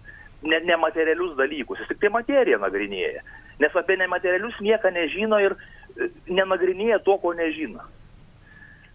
Tai koks klausimas?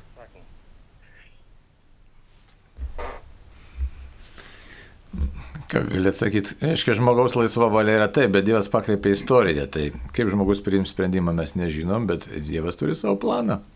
Ir kada sustabdyti, istoriją ir kur ką įkvėpti, tai čia vėl Dievo paslaptis.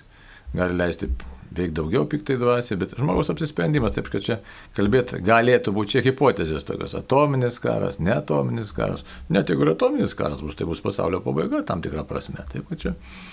Šiaip niekas nevyksta be Dievo valios. Tai reiškia, viskas, matot, ta laisva valia leidžia apsispręsti žmogui viduje. Už Dievą ar prieš Dievą. Ir tas duoda rezultatą. Tai va. Kaip reiškia tie ezoterikai, Blavatska ten, tai reiškia, kalbėjo labai kovodama prieš krikščionybę. Koks jų tikslas ir dabar tas vyksta? Sukurti tą kritinę masę žmonių, kurie būtų nusistatę prieš Kristų. Įsivaizduojate, ten tokia tikslas buvo, reiškia, Blavatskajos. jo. Visų tų ezoterinių mokymų, tai reiškia e, antroposofijos, teosofijos, reiškia šitoks, reiškia tai. Tai va dabar kritinė masė. Tai ką kritinė masė, kurių tik, tik turinčių tam tikrą tikėjimą, kreipia tam tikrą linkmę žmonijos istoriją. O šiaip tai už teosofijos stovi Luciferis, tai luciferiškai visi judėjimai. Tai. Taip kad čia už tai kalbėti, taip, kad kaip ten bus, ne? Dievas gali sustabdyti Luciferį greitai, gali leisti jam veikti tiek, kiek leis. Ką žmonės leis, kas įvyksta žmogaus širdyje, tai ar atominis karas, ar antras pasaulinis, ar trečias, ar ketvirtas, čia viskas priklauso nuo žmogaus širdies tikėjimo. O apie, sakysim, mokslą, fiziką, metafiziką čia yra žmogiškai skirstam, yra žmogaus protas, kuris ieško tiesos. Iš kur ta fizika atsirado? Kaip jin atsirado ta fizika? Galų galėgo ateinam iki kvantinės mechanikos, čia fizika ar nebe fizika? Tai suprantat? Tai gerai, žiūrim toliau. Garbėzui Kristui 28 metus kankino savižudybės tėvo mirtis, kai buvau 7 metų motinos atstumimas, iš kurios girdėdavau, jog geriau mane palaidotų ar į vaikų namus atiduotų. Išprievartauta keturis kartus bandžiau ieškoti pagalbos tarp tikinčiųjų, kreipiausi į savo parapijos kunigą, bet šis tiesiog ignoravo, užblokavo, kai jam skambindavau, kaip rasti gyvai Jėzų Kristų. Tai noriu priminti, kad e, Kaune yra šita bendruomenė gyvų, negyvų. Galestingumas, versmė. Gal- Taip, galestingumo versmė. Ten yra prieinama seminarų būdu, e, bent dešimt sustikimų būna, padeda suieškoti tuos sužeidimus, padeda kažkiek gydyti, bet vis tiek visa esmė tai yra paties žmogaus religinis gyvenimas. Reikia stipraus ryšio su bažnyčia ir, ir su Dievu, kad tie dalykai įvyktų. Kartais reikalinga ir gydytojo pagalba, ir žinoma, dvasinio vadovo labai reikia. Na tik tai tiek galiu paaiškinti. Labai gerai užtarimo pamaldas. Iš tikrųjų, tokiems žmonėms atleidimas, tas, aiškiai, įvardinimas. Čia labai daug, daugelypis dalykas, toks iš tų jūsų, jūsų pasakymų, tai sužydimų ten labai daug. Aišku, klebonas gal nekelia ragelio, gal jam atsiboda, jeigu ten kasdieną po tris kartus skambina, tai vėl čia kitas dalykas. žinot. Čia reiktų spręsti iš, iš esmės tą klausimą. Tai aišku, psichoterapija tam yra irgi gali padėti, tam tikra psichoterapija, bet reiškia labiausiai padeda iš tikrųjų tas vat išgyvenimas, labai už tai propaguojam šitą, šitą tokiems žmonėms užtarimo maldą, ne, kai kunigas e, maldos komanda meldžiasi, uždėdami rankas ir Dievas tikrai dažnai pasigaili ir perkeičia tokių žmonių gyvenimą. Tai labai įdomu matyti ir smagu matyti, kaip tie žmonės pasikeičia. Tai, va, ir pačiam žmogui ieškoti ir paieškoti bendruomenės, kuri už jūs pasimelstų. Tai va. ir kantrybės, aišku. Tai. Gerai, skambutis koks. Violeta paskambino. Klauskite. Garbėjai su Kristui. Per amžius. E, turiu kunigė jums klausimą. Kuriam? Yra toks arbatų tinklas, skonis ir kvapas. Ir prie tų arbatėlių priklijuoti tokios knygelės, lapeliai ir ten daugmas toks tekstas būna. Suharmonizuosiu su energija, nu ir taip toliau. Ar ta arbata nekelia grėsmės? Arba ta tai nekelia, peržegnok ir viskas, Dievui viskas, žinai. O tą lapelį išmes rimtai. Nes čia, žinai, dabar madoja ir dabar, aišku, tas holistinis toks mąstymas čia su, su kažkas, nu, toks pagoniškas mąstymas, kažkas čia mus suharmonizuoja, žinai, tokios nesąmonės, žinai. Tai, nes šiaip tai harmonizavimas ateina iš vidaus.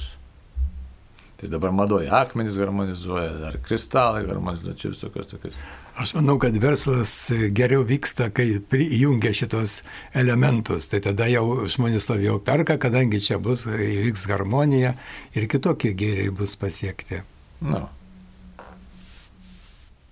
Garbėsiu Kristui, norėjau paklausti, apie ką labiausiai turėtume galvoti ir kam labiausiai turėtume ruoštis prieš priimant santokos sakramentą nes tikrai labai daug laiko skiriame paieškoms vestuvių puotai, rūbams, papuošimams, rūpinamės pakviesti giminės bei draugus. Mhm.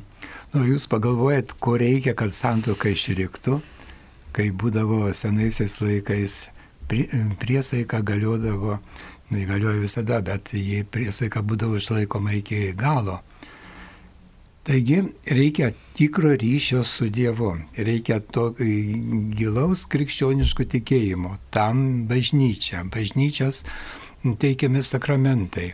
Ir ne, vien to dar negana. Dar, dar reikalinga, kad abu kažko siektų dvasinėme gyvenime. Reiškia, būtų ėjime į gėrį. Ir tai būtų tokia, nu, nuolatinė pareiga ir kažkas būtų tikrai daroma.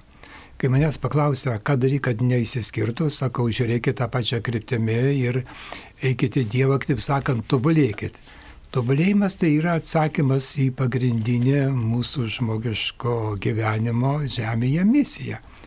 Reiškia, mums reikia pasiruošti dangaus karalystėje. Reiškia, reikia naikinti savo įdas ir ugdyti teigiamas savybės. Ir be dvasinių priemonių šitie dalykai yra neįmanomi. Ir va todėl, e, kai dar psichologai tvirtina, sako, atsakė tokį klausimą, kada reikia ruošti santoko, santokai. Sako, kai tu pradėjai pirmą klasę, tu pradėjai mokytis ir turi siekti, reiškia, didesnio, didesnio dvasingumo. Tai va, taip sakant, be bažnyčios, be tikro gilaus tikėjimo ir dar siekimo dvasinėmis priemonėmis santoka neatsilaiko prieš šio laikinius iššūkius. Tai va, to reikia svarbiausia. Na, o dabar realiai tenai, kaip būna, tai žinoma, bent jau tuos prieš santokinius kursus, reiškia, išklausyti reikia tai aštuoni sustikimai bent jau tiek ir rimtai, o ne, ne netmestinai, kaip kažkokia privartinė priemonė. Ir jeigu tenai rimtai įsigilinus į tas, mm, tuos teiginius, kurie ten pateikiami, tai tada ir būna kažkokie rezultatai. Bet tai yra pradžia. E, santoka tai nėra Olimpo kalno viršūnė, kur, e, reiškia, prasideda laimės puota ir ji nesibaigs. O iš tikrųjų tai yra didžiulis darbas su savimi, pirmiausia, su savimi. Ir nes reikia prisitaikyti, reikia mm, daug, daug, daug su savim padaryti, nes tu pamatai save nuogai, kaip ir kitą matai nuogai. Nu tada reikia dirbti. Čia be Dievo pagalbos, be bažnyčios, tačiau nieko negali padaryti. Tai tiek. Sita iš Telšių rajono klausia, Ką Jūs galvojate apie apsiriškimus ketur naujienoj? Aš tai nieko negalvoju. Kuo mažiau tokių apsireiškimų, tuo geriau iš tikrųjų. Tai va. Nes irgi nukreipia dėmesį nuo pagrindinio dalyko. Pagrindinis dalykas yra koks. Principas bažnyčios yra toks, reiškia, mes apreiškimą gavom, kuris būtinas išganimui pilnai ir su apaštalo Jono mirtimi viešas apreiškimas arba visuotinis apreiškimas e, pasibaigė. Privatus apreiškimai, nu, gali būti ir jie yra gražus, sakysim, ar imsim Faustiną, ar paimsim, sakysim, šitą Fatimą, ar imsim Lurdą, ne šitai Bernadetai subirų gražus dalykai, kurie nu, turi savo svorį.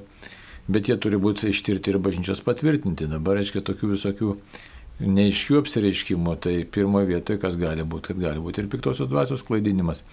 Dabar, kas labai lengvai žmonės nuveda iš šono tokiam paviršutiniam pamaldumui. Jo, bet mes, kad turim pakankamai, sakysim, bažnyčių to pamaldumo, sakysim, dikumų tėvai ką sako, niekur iš vis neik iš savo tos celės. Sėdėk savo celę ir melskis, nes dabar galvojame, kad važinėjimas po tas vietą kažką tai suteiks, laiką prarandam, ar ką įgaunam, nežinau, bet čia aišku, e, tam tikra mistika, tam tikra prieškimai yra, egzistuoja, bet kartais jie tampa labai labai paviršutiniškais ir tampa tokiais medžiojimais, iš kitų šventų kažkokių neva tai šventų vietų medžiojimą. Tai, tai toks, toks mano, sakyčiau, būtų komentaras. Liucija klausia, ar fizinės kančios gali pakeisti skaistyklą? O, žinoma, kad gali pakeisti. Ir Dievas kažkaip paskirsto, kiek žemėje atkentėti, kiek skaistyklai. Nes skaistykloje kančios yra e, tas vidinės kančios, dvasinės kančios ir kartais gali būti labai labai sunkios ir stiprios. Na ir tai Dievas iš gailestingumo žmogui leidžia, kad dalį to pakentėtų žemėje. Ir ne žemėje kažkaip tas atsiteisimas yra žymiai lengvesnis ir mažiau skausmingas, lyginant su skaistykla. Tai gali būti taip. O, o reiškia iš tikrųjų, kaip viskas vyksta, kokie čia, kaip čia skirsto Dievas tuos visus dalykus, ką skaistykla, ką žemė, tai čia mums yra paslaptis.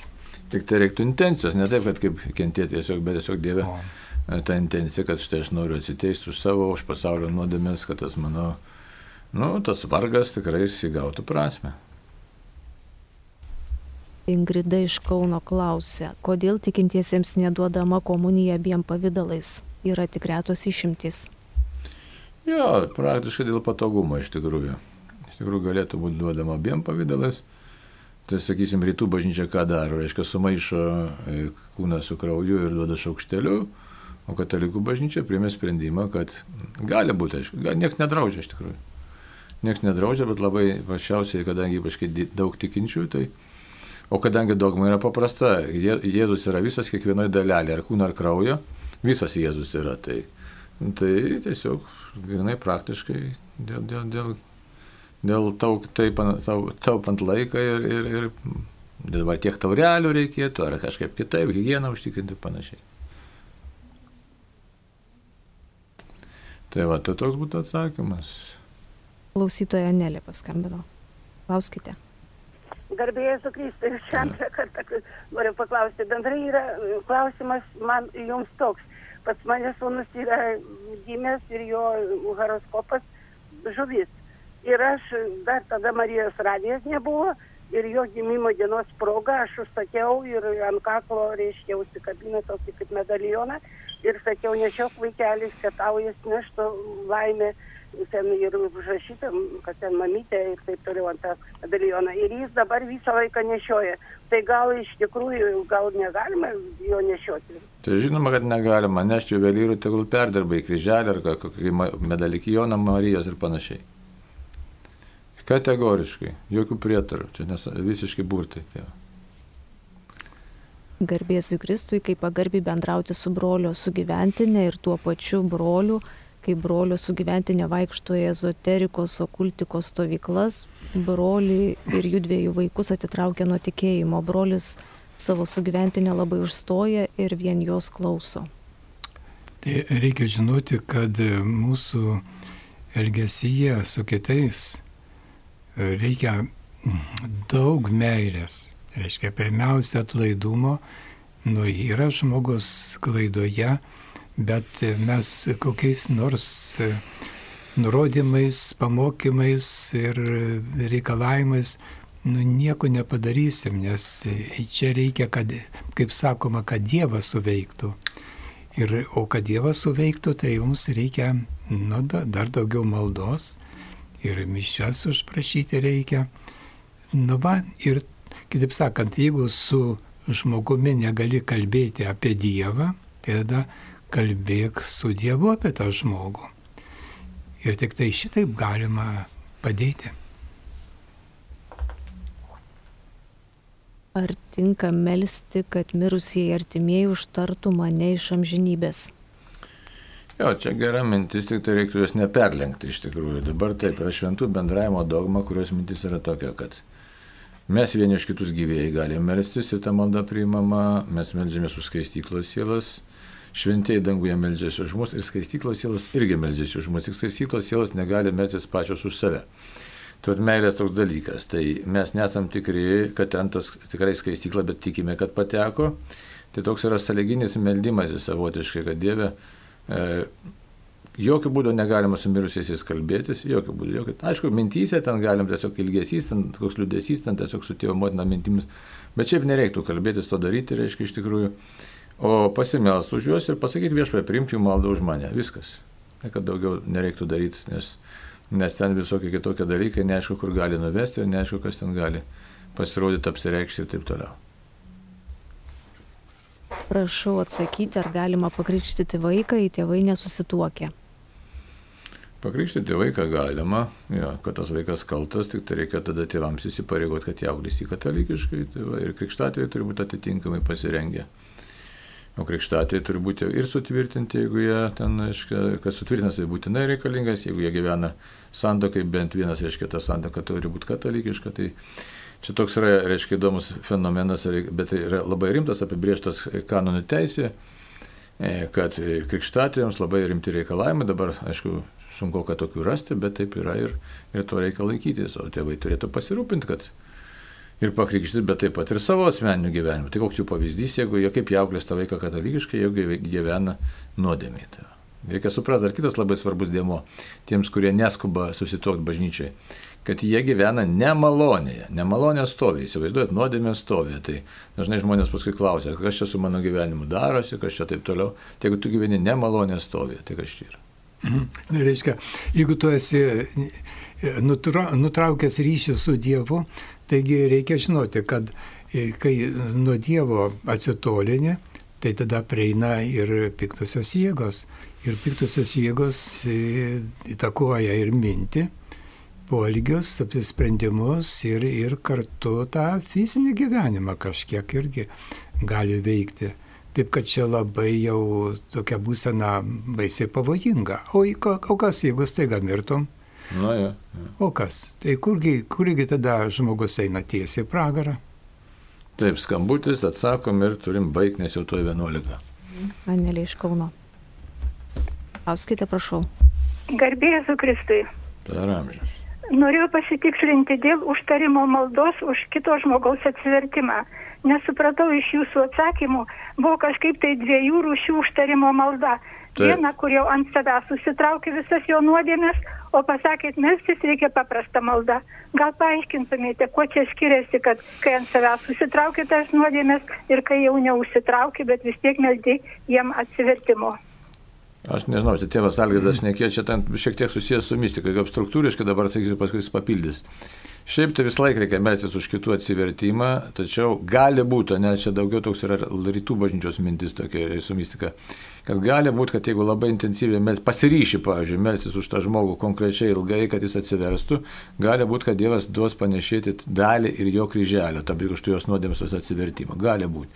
Nebūtinai, aišku, bet čia yra tokia mintis, tai, va, iš mano pusės tiek, kiek jeigu dar tėvas Algirdas ką papildys, tai gali papildyti. Tai niekada mes nežinom, kiek Dievas uždės. Ar gali pasiryšti, tai reiškia, bet kokiai jaukai, bet kokiai kančiai, nesgi nežinai, kiek reikės atsilyginti už to artimojo nuodėmės. Vienu žodžiu, čia yra, kartais gali būti labai didelė našta. Ir man vienas stiprus tikėjime vyras pasakoja, kaip jisai meldė, kad tikrai Dievas išgelbėtų. Nu, tai sako, ir namuose su žmona, su vaikais prasidėjo problemos, ir darbe, nu, sako, vos ne kiekviename žingsnyje. Ir tada sako, aš galvoju, nu ką daryti, bet reikia ištverti. Sako, ištvėriau iki galo, paskui sumažėjo tie visi dalykai. Galų gale tas žmogus pasitaisė, sugrįžo į doros kelią, viskas baigėsi gerai, bet sako, kainavo tai labai daug. Tai va čia, jeigu jūs apsisprendžiate išgelbėti, tai tada žinokit, kaina gali būti labai didelė. Bet čia turi būti toks sprendimas, ir mes kaip propaguojam devindinis, pavyzdžiui. Dabar kodėl devindinis propaguojam? Toks apreiškimas buvo privatus, ne bet kurį bažnyčią priimė kad jeigu tu apsisprendė, pažiūrėjau, kalbėti devindinį švenčiausiai Jėzaus širdžiai, tai yra jau tam tikra auka, bet prie tos aukos prisideda bažnyčios pačios malda, tai yra visų šventųjų malda prisideda. Tai yra visai visi, vėl kito lygio kova. Ne aš vienas kovoju, bet kovoju visą bažnyčią už kito asmens atsivertimą. Tai, va. tai čia toks labai gražus dalykas, kad ne pačiam vienam kovoti, ar ten visų šventų litanę kalbėti, ne.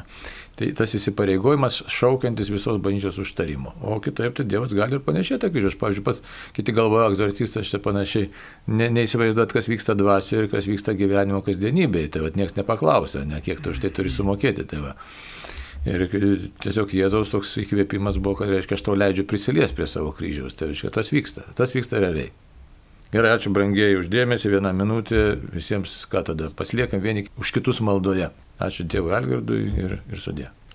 Laidoje dalyvavo ir klausimus atsakinėjo kunigas Jėzuitas Algirdas Paliokas ir kunigas egzorcistas Arnoldas Valkauskas.